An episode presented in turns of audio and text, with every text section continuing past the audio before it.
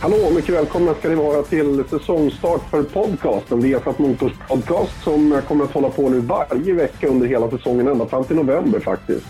Och det är ju fantastiskt kul att den har varit så omtyckt, så sprid den gärna vidare. Och eh, som vanligt, vid min sida, fast ändå inte, Eje Älg, välkommen. Hejsan, hejsan. Hur har vintern varit? Kallt och mycket snö och elände. Det, det, eh, ja, det, jag bara väntar på att uh, våren ska komma nu. Alltså. Du, jag har ju kört vinterrally. Jag älskar ju vinter. Det är perfekt.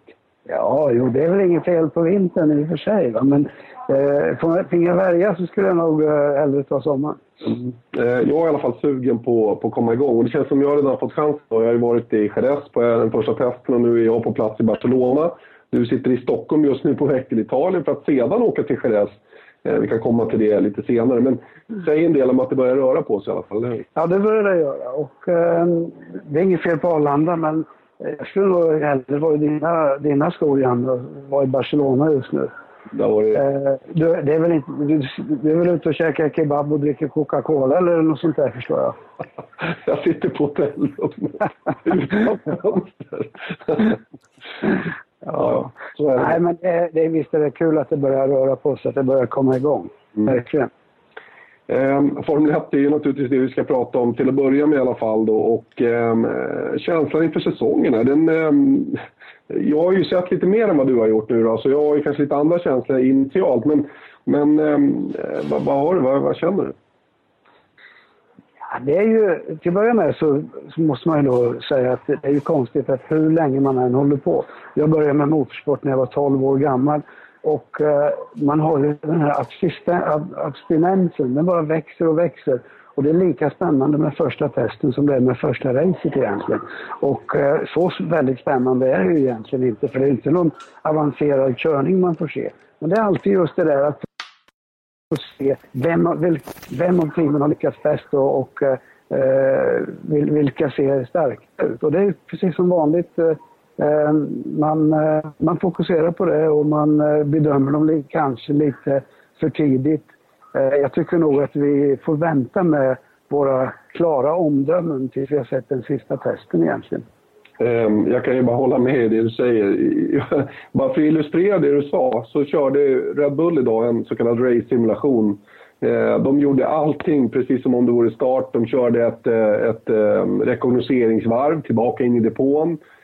Simulerade den tiden som är mellan rekognoseringsvarvet till det att man startar upp motorn. De kör formationsvarvet tillbaka in i depån, motorn igång, eh, rullar fram till starten då som de naturligtvis får göra utanför depåutfarten precis. Och sen gick starten och, och hur man börjar följa varv till. Och det var nästan som om det var tävling på riktigt och det var det ju absolut inte. Men det var grymt spännande i alla fall på något konstigt sätt.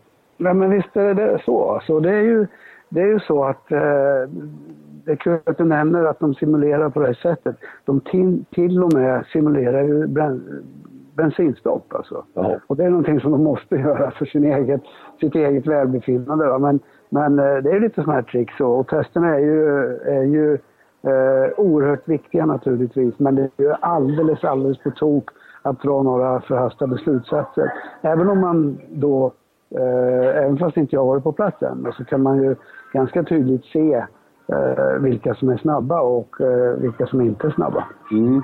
Eh, några intressanta grejer tycker jag i alla fall som man, som man har sett där, det är ju de, de här killarna som har bytt team. För, för det är alltid lite speciellt att se en kille som har gått i en overall i kanske hela sin karriär nu i en helt annan overall. Jag tänker för, självklart på Hamilton då som, som, eh, som går från, från fadershuset, om vi får kalla det det då, eh, mm. till, till, eh, till Mercedes nu då, som är en helt annan miljö Eh, Eh, för, för hans del då. Och det blir ett helt annat ansvar på hans axlar känns det som också. Han får ta ett mycket större ansvar själv. Ja, visst, det, och det är väl ganska naturligt. Han har ju växt upp hos McLaren. Det är ju som en, en familj för honom. Och, och det, det, vet man väl själv när man växte upp när man var 15-16 år hur roligt det var att komma hem. Eh, så jag tror att det här är oerhört nyttigt för Lewis Hamilton. Och jag tror att vi ganska omedelbart kommer att få se tecken på den stora talang som han i verkligheten är. Jag tror att det här är oerhört viktigt för honom rent mentalt och jag tror att eh, eh, han kommer göra mycket nytta för teamet. Han är ju en uttalsmaskin eller en citatmaskin nästan till eh, Hamilton många gånger. Hur tycker du att han har varit så här man läser ju väldigt mycket på hur de kommenterar sin nya position och sitt nya stall. Har han, har han liksom varit eh, formulär 1A eller har det varit någon form Nej, jag vet inte riktigt vad jag ska säga. Jag tycker att han är lite överdriven med, med de där eh, slentrianmässiga uttalanden där han hela tiden eh, är tvungen att stoppa in hur otroligt duktiga han tycker teamet är och mekanikerna och ingenjörerna. Och det är bara Eh, det är bara schabloner egentligen. Så jag tycker inte att eh, man har sett det. Men däremot när man läser vad till exempel Ross Brown säger och vad jag själv tror kommer att inträffa. Och det, jag tror att han kommer att trivas oerhört bra i den här miljön. Eh, och, och eh, glöm inte bort, han kommer från ett av de starkaste teamen in i ett team som i praktiken har varit eh, fiasko i tre års tid. Mm. mm. Så att eh, det är klart att de har ju oerhört stor nytta av honom och hans eh, input eh, när det gäller att utveckla bilen till något bra. Ja, den går verkligen inte att underskatta den, den eh, fördelen som Mercedes har att få en kille som på en direkt jämförelse kan säga att den här bilen är sämre på det här och det här och det här området. Verkligen. Ja.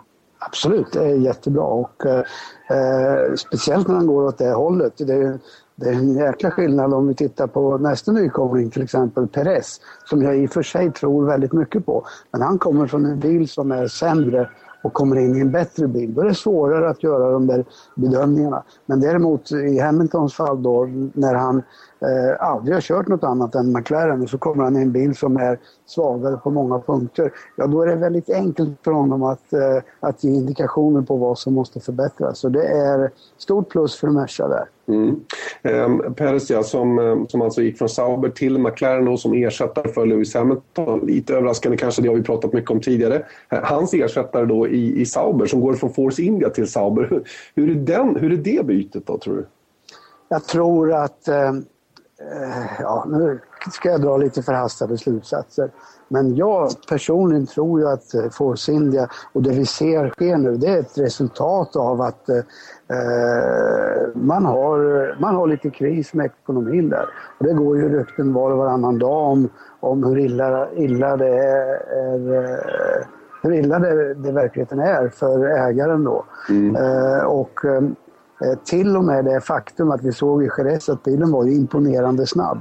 Eh, jag är inte så jättehundra på att det är verkligheten utan det är lite desperation för att visa att, eh, eh, visa att de är bra med. Va? Jag tror att de har ett jätteproblem och jag tror att, att Nico Hülkenberg gjorde ett mycket, mycket bra val när han gick till Sauber. Mm. Och han får ju då Gutierrez med sig då i, i det teamet. Gutierrez då som blir nästa mexikan så att säga. Då. Um, det är svårt att bedöma honom än tycker jag. Jag har inte, har inte upplevt honom på banan på det sättet. Har inte sett att de har imponerat varken åt ena eller andra hållet egentligen. Ganska intetsägande. Vad säger du? Ja. Det är ju så att eh, det är odiskutabelt så att Guterres, eh, som jag faktiskt har sett ända sedan han började, kom över hit och började med formelbilar i Formula BMW. Eh, en enastående talang när det handlar om att åka snabbt. Och, eh, men, men, samtidigt eh, i den takt, samma takt som han har klättrat upp för stegen så att säga så har jag sett att eh, hans stil, om vi nu ska kalla det det, kanske inte passar, nödvändigtvis passar till de större motorstarkare bilarna som kräver betydligt mer. Och eh, han gjorde en hel del eh, onödiga misstag tycker jag i GP2 och jag tror att han kommer att få det lite, lite tufft. Det är inte bara att vara snabb och sen har vi den stora frågan Janne. Titta på pojken.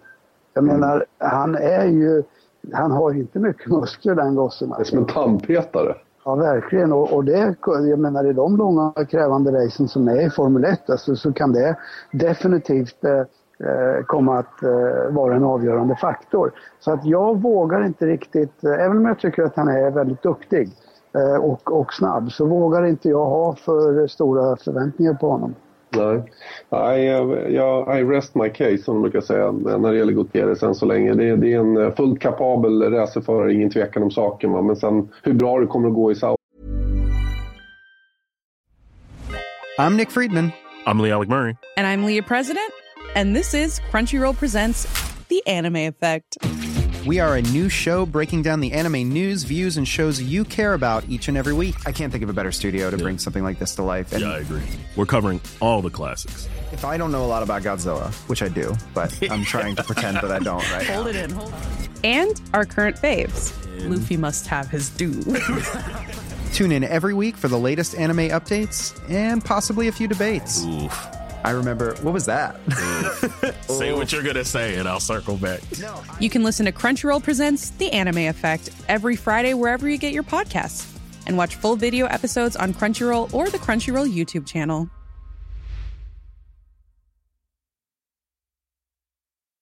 Hey, I'm Ryan Reynolds. At Mint Mobile, we like to do the opposite of what Big Wireless does. They charge you a lot, we charge you a little. So naturally, when they announced they'd be raising their prices due to inflation, we decided to deflate our prices due to not hating you.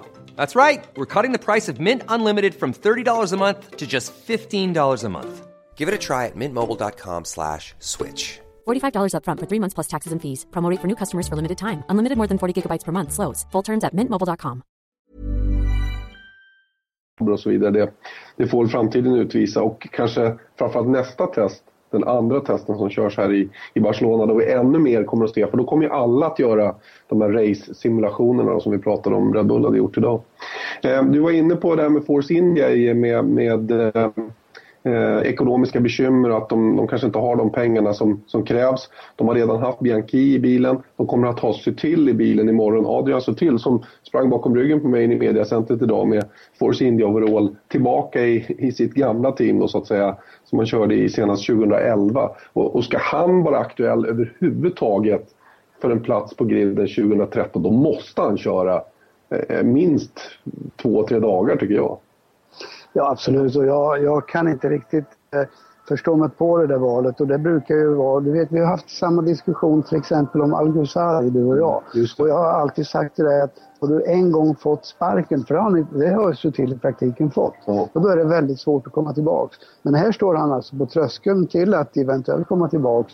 Och då eh, ställer jag mig lite frågande. Alltså jag, jag, är, jag, jag är inte riktigt... Eh, jag är inte riktigt på det klara med vad som händer där. Men, men att ehm, eh, ja, jag skulle ju föredra att se eh, Bianchi i den bilen. För att eh, där har vi en ung frisk fläkt som eh, har framtiden för sig. Kan in- Så, till, så till tror jag inte eh, har så mycket kvar att ge i Formel 1. Nej, Han har fått sin chans känner jag. Jag vet att det är flera som tycker det uppe i mediacentret och inne i depån överhuvudtaget att så till i 30 år, han har fått sin chans och, och visst, han var duktig och är fortfarande duktig, helt övertygad om det. Va? Men han kommer ju aldrig bli någon världsmästare och då är det roligare tycker jag att man lyfter upp någon, någon ung kille. Och eh, det känns som att incitamentet kanske kan vara om det är så att Force India har lite ont om kulor då att få en bra deal på Ferrari-motorer till nästa år till exempel och, och lyfta in Bianchi i Force India-bilen redan i år.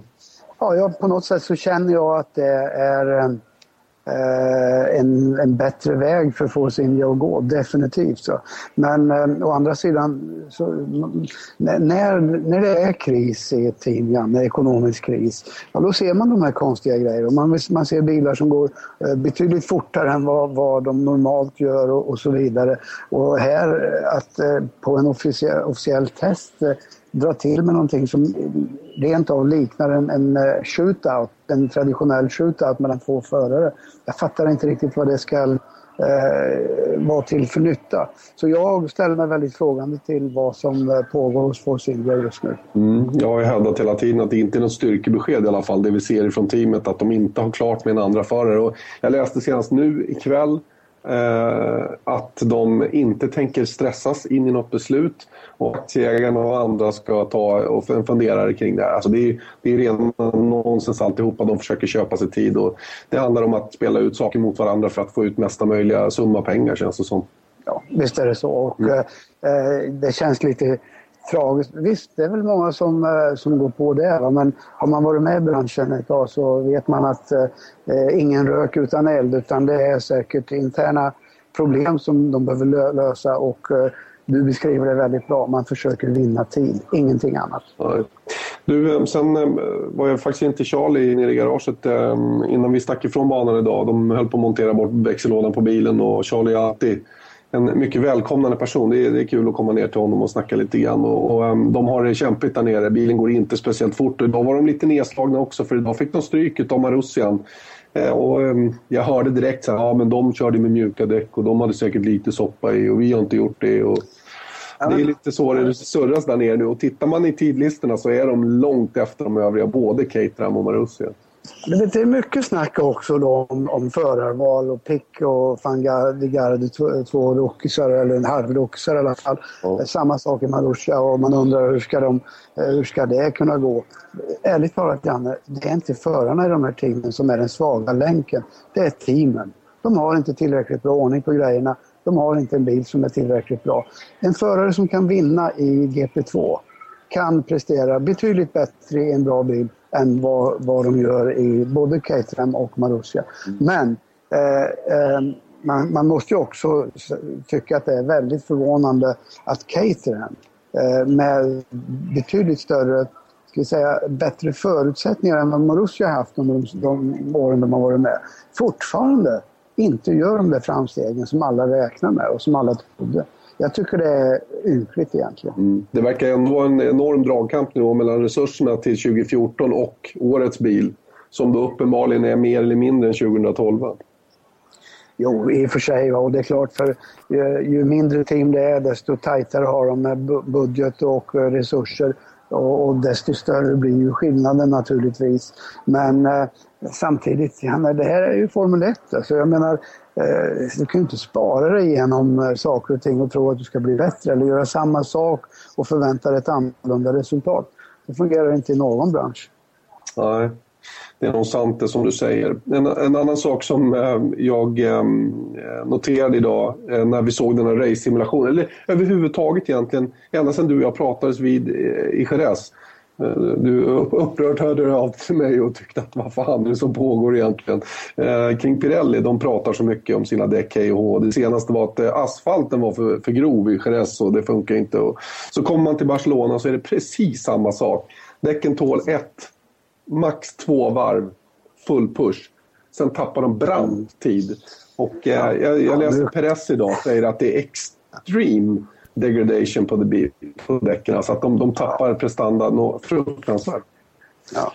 ja. nu trycker du på en, en punkt för mig, Janne. Jag vet. Eh, du försöker reta upp mig lite antagligen. Nej, men det, det är ju så att Eh, Eh, man har varit bortskämd med, med eh, däcksleverantörer, andra däcksleverantörer som eh, pratar ett annorlunda språk. Men, eh, och till viss del så har jag, har jag, jag har förståelse för Pirelli. De kommer in, laddar in en faslig massa pengar. Varför gör de det? Jo, de vill ju sälja bildäck eller vanliga personbilsdäck naturligtvis.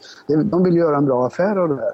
Och sen går det inte mer än, mer än en månad så, så står en sju eller åttafaldig världsmästare, eller vad nu är, eh, Schumacher, sjua, Sju. och, och talar om att de här däcken är helt värdelösa.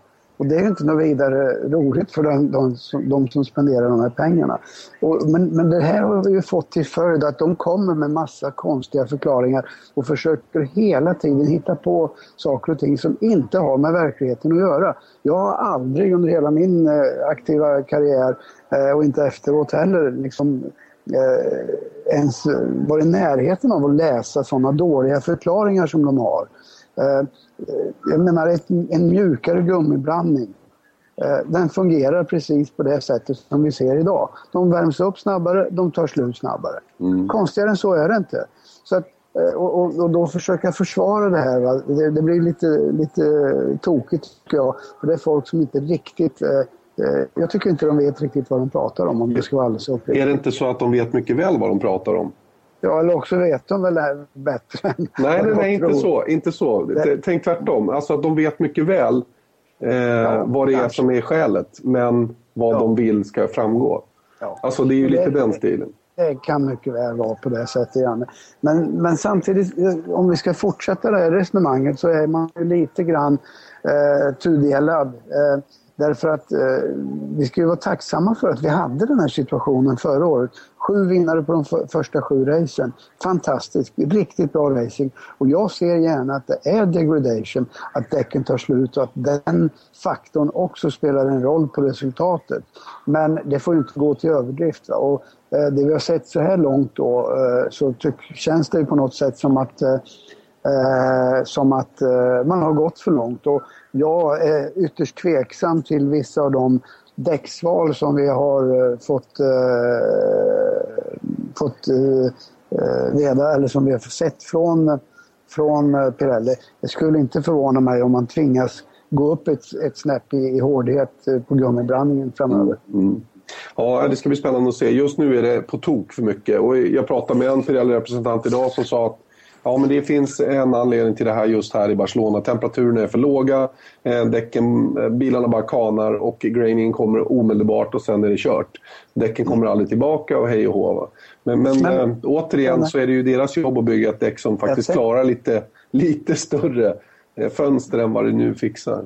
Ja, men man kör ett Formel 1-lopp på Circuit i Catalonia varje år. Mm. Så det här är ingen nyhet. Och det var ingen nyhet för Goodyear, det var ingen nyhet för Michelin, det var ingen nyhet för Bridgestone. Det är väldigt hårt eh, däckslitage där. Men eh, Eh, och då får man ju inte tas på sängen av det. Va? Men, och, men det är det jag menar också, när, när man då drar till med sån här ursäkt eh, som man gjorde i Jerez. Det är så talande för hela situationen. Att man säger att under de sista 12 månaderna så har asfalten försämrats mm. så oerhört mycket så det går inte att köra Formel 1-bilar. Det är inte ens värt att åka och testa det. Och då, då, kan man börja fundera på vad, är det, vad, vad snackar de om? Ja. ja, det är intressant. De är väldigt sugna på att åka till Abu Dhabi eller något sånt ställe istället har jag förstått. Ja, men då, är det... Du, ska man testa fram däck för Abu Dhabi och Bahrain och det här, ja, då kan vi ju stryka banor som Monza, Spa, Silverstone. Hela rubbet alltså. Så att, Nej, de, i mina ögon så kan inte de vinna med sina ursäkter i alla fall. Men eh, det, är, det, är, en bit kvar innan första racet drar igång och teamen kommer att bli bättre på att lära sig däcken.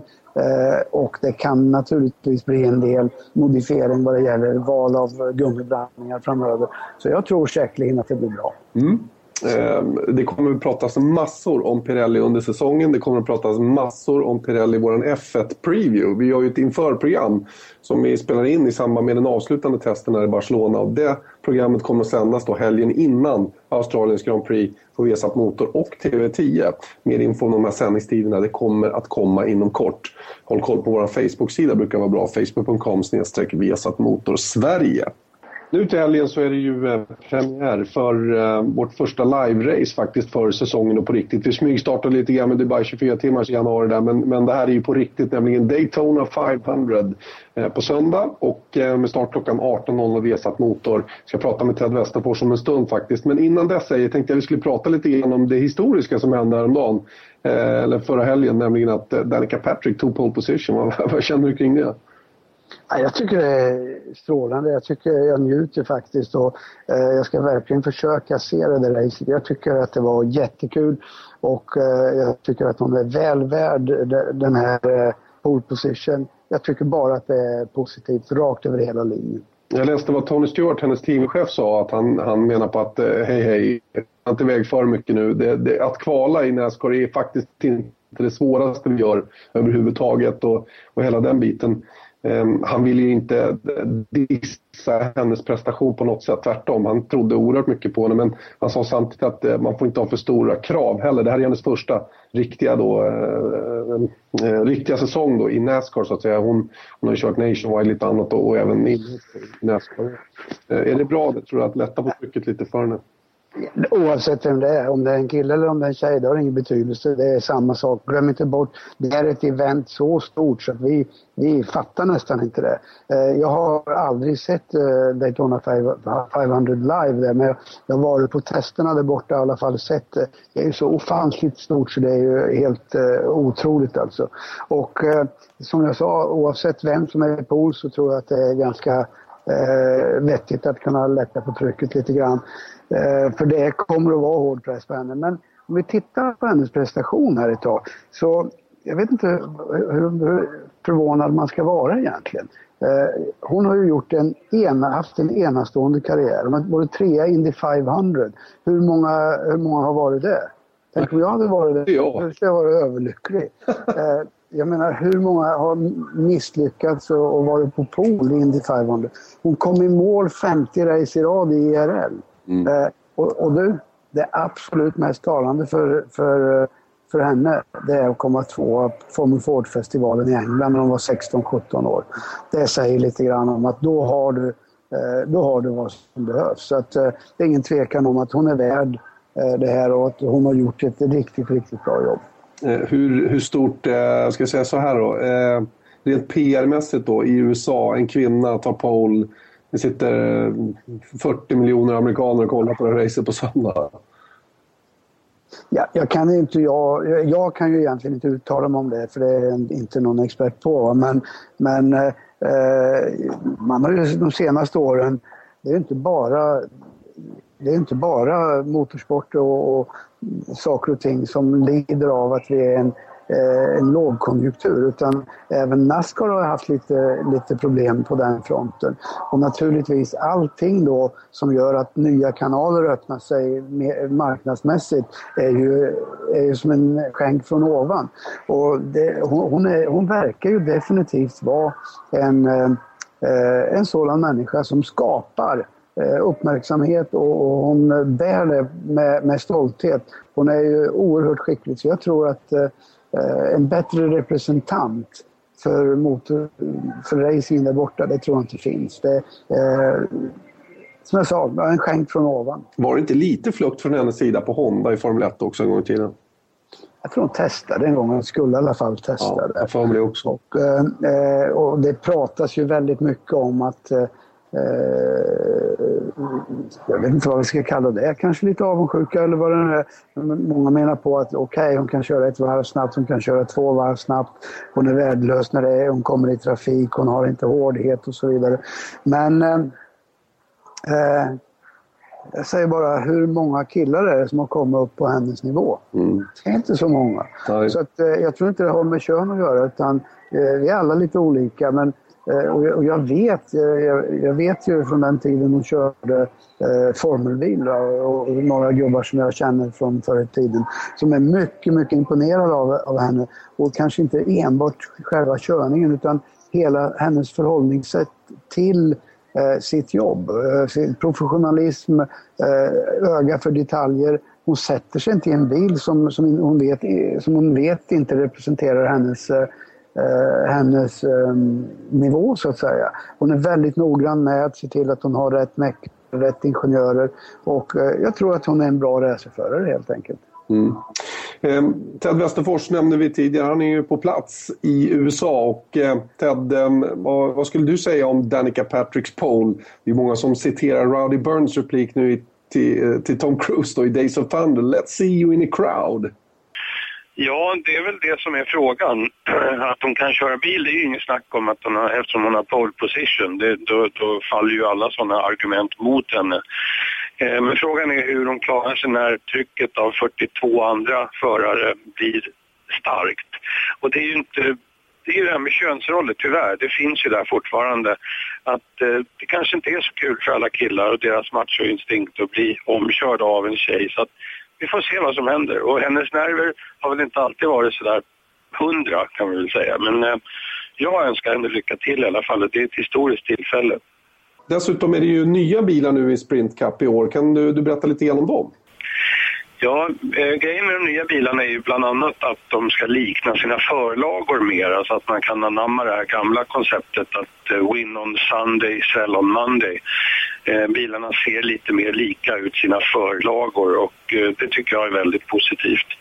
Eh, rent tekniskt så det mesta som är, är ändrat det är väl att spoilern i bak har en annan form och att den är lägre vilket innebär att det blir sämre downforce Eh, och det i sin tur gör att bilarna blir lite mer instabila och det blir mer en förares bil. Föraren eh, måste jobba lite mer på de här bilarna och eh, eh draftingen på de här stora banorna som Daytona som vi får se på söndag eh, den kommer inte bli riktigt likadan som den har varit förut och eh, det bäddar för eh, häftigare racing, mera förarskicklighet för att man ska kunna lyckas bra och eh, det ser väldigt, väldigt positivt ut inför söndagens stora race. Daytona 500 alltså på Viasat Motor klockan 18.00 på söndag. Hur är känslan där borta nu Ted och vad tror du om själva racet? Ja, känslan är den att eh, jag tror att det kommer bli mer åskådare än, än tidigare år och Eh, det samlas väldigt mycket folk. Man tittar på, på flygplatserna när vi flög in till Orlando så var det massvis med racefans på gång. Och eh, det kommer bli någonstans runt 220-225 000 personer på plats på ett enda idrottsevenemang, vilket är helt fantastiskt. Eh, väderleksutsikterna är alldeles, alldeles utmärkta. Det lär bli upp mot 30 grader på söndag. Eh, och eh, lite soligt här och där. Ett perfekt Florida-väder. Och många verkar ha, ha sett fram emot, eller ser fram emot vad Danica Patrick kommer att göra. Och hon har ju också genererat väldigt mycket medialt intresse. Eh, och det ska bli kul att se. Några förare har ju bytt team och vi får se hur de klarar sig. Och eh, ja, jag ser fram emot det här racet mer än eh, på flera år faktiskt. Men ikväll torsdag kan vi ju eh, redan se fram emot att se lite försmak på det hela i det som kallas för The Duel at Daytona. De två kvalracen som kommer att sändas här på Viasat Motor ikväll också naturligtvis. Lite försmak och eh, vi ska se vilka som kommer att placera sig på eh, bilden från plats tre och bakåt i det stora racet. The Great American Race, alltså Daytona 500 som går på söndag på Viasat Motor. Okej, tack Ted. Det ska bli oerhört kul att följa den här klassiken. Både du och jag sitter som klistrade vid tv-apparaten, eller hur? Ja, absolut. Jag, ska, jag är oerhört spänd på just den tävlingen i år. Fast du sitter lite dumt till då på söndag, gör du inte det? De kanske inte visar det borta i Italien? Ja, men det... Ja, det, nej, du, det, jag kanske sitter på ett flygplan då. Ja, det vet man inte. Det vet ja, man. Nej, men det får kolla på jag bandar, jag bandar åt dig, det är lugnt. Ja, via Play, herregud. Det finns ju alla möjligheter. Alla möjligheter. Hörrni, då går vi från, eh, från eh, två hjul, eller fyra hjul till två hjul och pratar lite MotoGP en stund också. För de är inte så långt borta heller med sin premiär borta i Qatar. Eh, de körde sin första test i Malaysia, MotoGP-klassen alltså, i början av februari och där var ju Dani Pedrosa snabbast. Men mest uppmärksamhet var det förstås en annan kille som fick, nämligen Valentino Rossi, tillbaka på Yamahan igen. Och eh, han säger sig själv vara på nytt född igen, vad tror du om det? Ja, det jag menar, han måste väl eh, intala sig både det ena och det andra nu. Eh, för, eh, för att eh, det gick inte något vidare för honom på Ducati. Så att eh, han försöker nog stärka sig själv på alla möjliga tänkbara sätt. Vilken gåta det där var med Ducati. Så jag kommer inte att bli klok på det där någon gång egentligen. Att det är bara en, en förare egentligen som har, som har förmågan att göra rätt saker med den där cykeln. Och, och eh, han har tyvärr lagt av till den här säsongen. Jag pratar förstås om Casey Stoner. Han har ju fått en värdig efterträdare tycker jag då i unge spanjoren Marc Marquez. Eh, och jag, jag, har faktiskt ett roligt minne till den där Marquez. Jag, jag och vi var ju på jag tror att vi var på Misano faktiskt och såg eh, San Marinos Grand Prix eh, ett år. Och då var Marcus, eh, då körde han i Rookies Cup tror jag. Eller om han till och med hade tagit steget upp i 125. Nej, han körde Rookies Cup. En liten spenig eh, spanjor som, som såg lite kaxig ut när han satt in i det lilla motorhomet som de hade där på Rookies Cup. Och, eh, att man eh, tre, fyra år senare skulle se honom sitta på en MotoGP-cykel och redan direkt vara, som folk pratar om, ska bli världsmästare kanske redan första säsongen. Eh, det känns ju rätt hisnande faktiskt. Ja, verkligen. Och det ska bli intressant att följa honom. Och eh, jag tror ju att eh, Eh, och det, jag tycker man kan, när man läser vad, vad Rossi säger efter de här inledande testerna så erkänner han ju att det är ju tuffare och de här ungdomarna som kommer upp nu eh, kör ju på ett helt annat sätt. Eh, han menar på att eh, de har ju lärt sig av, eh, av hans körning som han körde för. Så det är, det är betydligt tuffare. Och eh, jag tror som sagt var att för att fortsätta med, med Rossi där. Jag tror helt enkelt att den där riktiga glöden finns nog inte kvar hos honom. Men han vill nog inte lägga av eh, utan att han själv i alla fall får bevisa att han kan hänga med någorlunda. Men i mina ögon så är det unga, de unga pojkarna som kommer att ta över Eh, även om Pedrosa är väl inte så jätteung längre. Han har väl varit med ett tag. Va? Men, eh, ja, men, eh, mitten på 20-talet. Jag menar hallå, han har ja. ett, bra, ett bra tag kvar. Men, ja, okay, men det är precis som du säger. Va? Det är, Rossi han, han, börjar ju, han är i bakkant av sin karriär, den saken är helt klar. Ja. Tror du att han har glöden kvar då? Nej, jag, jag, det det jag tror inte det. Utan vad jag tror är, eh, det är det här gamla vanliga, Jan, att Eh, en racerförare oavsett om det är på ett, ett djur, eller på säga, eh, två hjul eller fyra hjul eh, eller vad det nu är. Så man, man vill inte bli tillsagd att nu ska du lägga av. Utan det är någonting som man själv vill bestämma. Och, och det är ungefär samma sak för hans del. Han, han vill inte lägga av med en stämpel på sig att han blev för gammal och han hängde inte med längre. Utan han...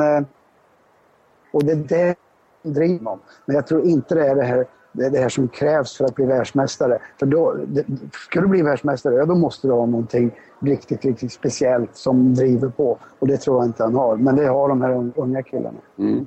Nästa test som MotoGP-killarna kör i alla fall i Malaysia också. Eh, 26 till 28 februari och mer rapporter kommer förstås därifrån i vår nästa podcast. Eh, och eh, vi ska väl också säga att Moto 2 och Moto 3 har varit i Europa och testat lite grann. Eh, och där hade ju schweizaren Tom Lytti väldigt otur senast här. Han, eh, han skadade, jag tror det var högerkedjan, så han bröt överarmen i en öppen fraktur.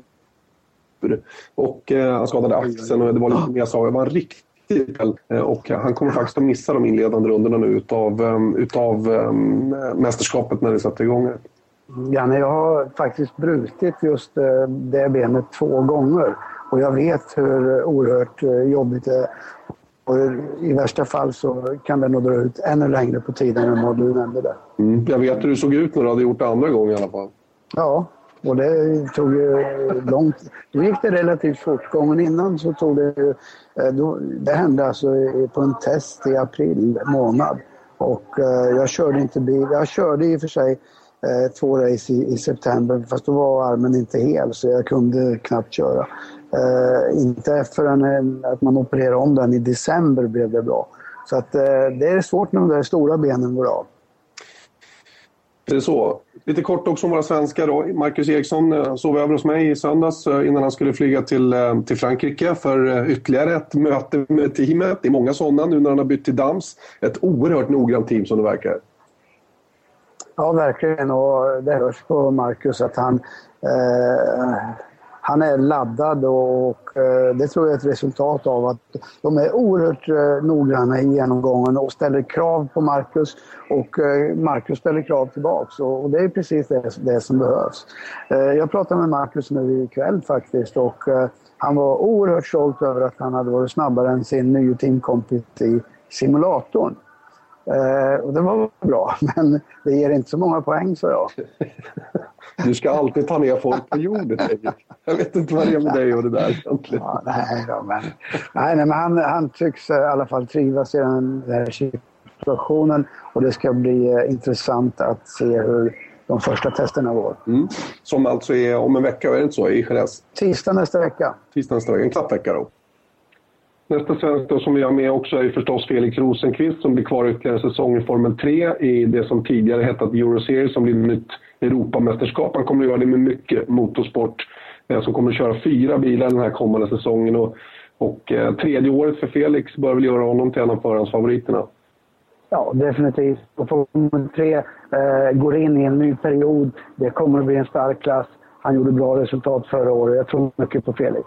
Och sen har vi Jimmy Eriksson då, som har tagit klivet ifrån eh, tyska ATS-cupen i Formel 3 där han eh, blev mästare förra säsongen upp till GP3, nya GP3-bilen med en 400 hästars sugmotor nu kommande säsong istället för den gamla eh, turbomotorn då, som inte lät någonting. Eh, tre sekunder snabbare än den gamla bilen sägs det och eh, man har testat idag faktiskt för första gången eh, i Portugal på Estoril där var Carlos Sainz snabbast före Daniel Kviat, hans teamkamrat i det teamet. Och sen har vi Mattias Ekström och förstås kvar med Audi i DTM och där eh, kommer vi också att kunna se Timo Glock då som har lämnat Marussia för att köra DTM. och han blev utköpt ifrån Marussia istället då för att eh, de skulle kunna ta in lite sponsorpengar från en ny förare. Och Timo gjorde det ganska direkt klart med BMW där. Så att, eh, och BMW eh, de kommer att ha en bra uppställning. Det kommer även Audi ha och Mercedes som idag också presenterade sin sista gubbe som blev Daniel Junkadeja, den eh, regerande mästaren i Euroseries Formel 3 som tar steget upp till DTM. Ehm, ja, Eje, det får väl avsluta nu. Vi önskar trevlig resa då från Arlanda och eh, önskar lycka till till Marcus då, där du kommer att hänga in dig på och se bilarna fara runt. Får vi se hur de klarar av att hantera däcken, vad tror du? Ja, de kommer ju också få eh, däck som liknar Formel 1-bilarna så det kommer naturligtvis att innebära en del förändring. Men eh, ja, jag tror att damsteamet har bra koll på det där, så det ska nog gå bra. Jag hoppas det. Tack så mycket för, eh, för tiden. Här. Sen så hörs vi om en vecka igen då, för då är det nämligen dags för nästa podcast om en vecka.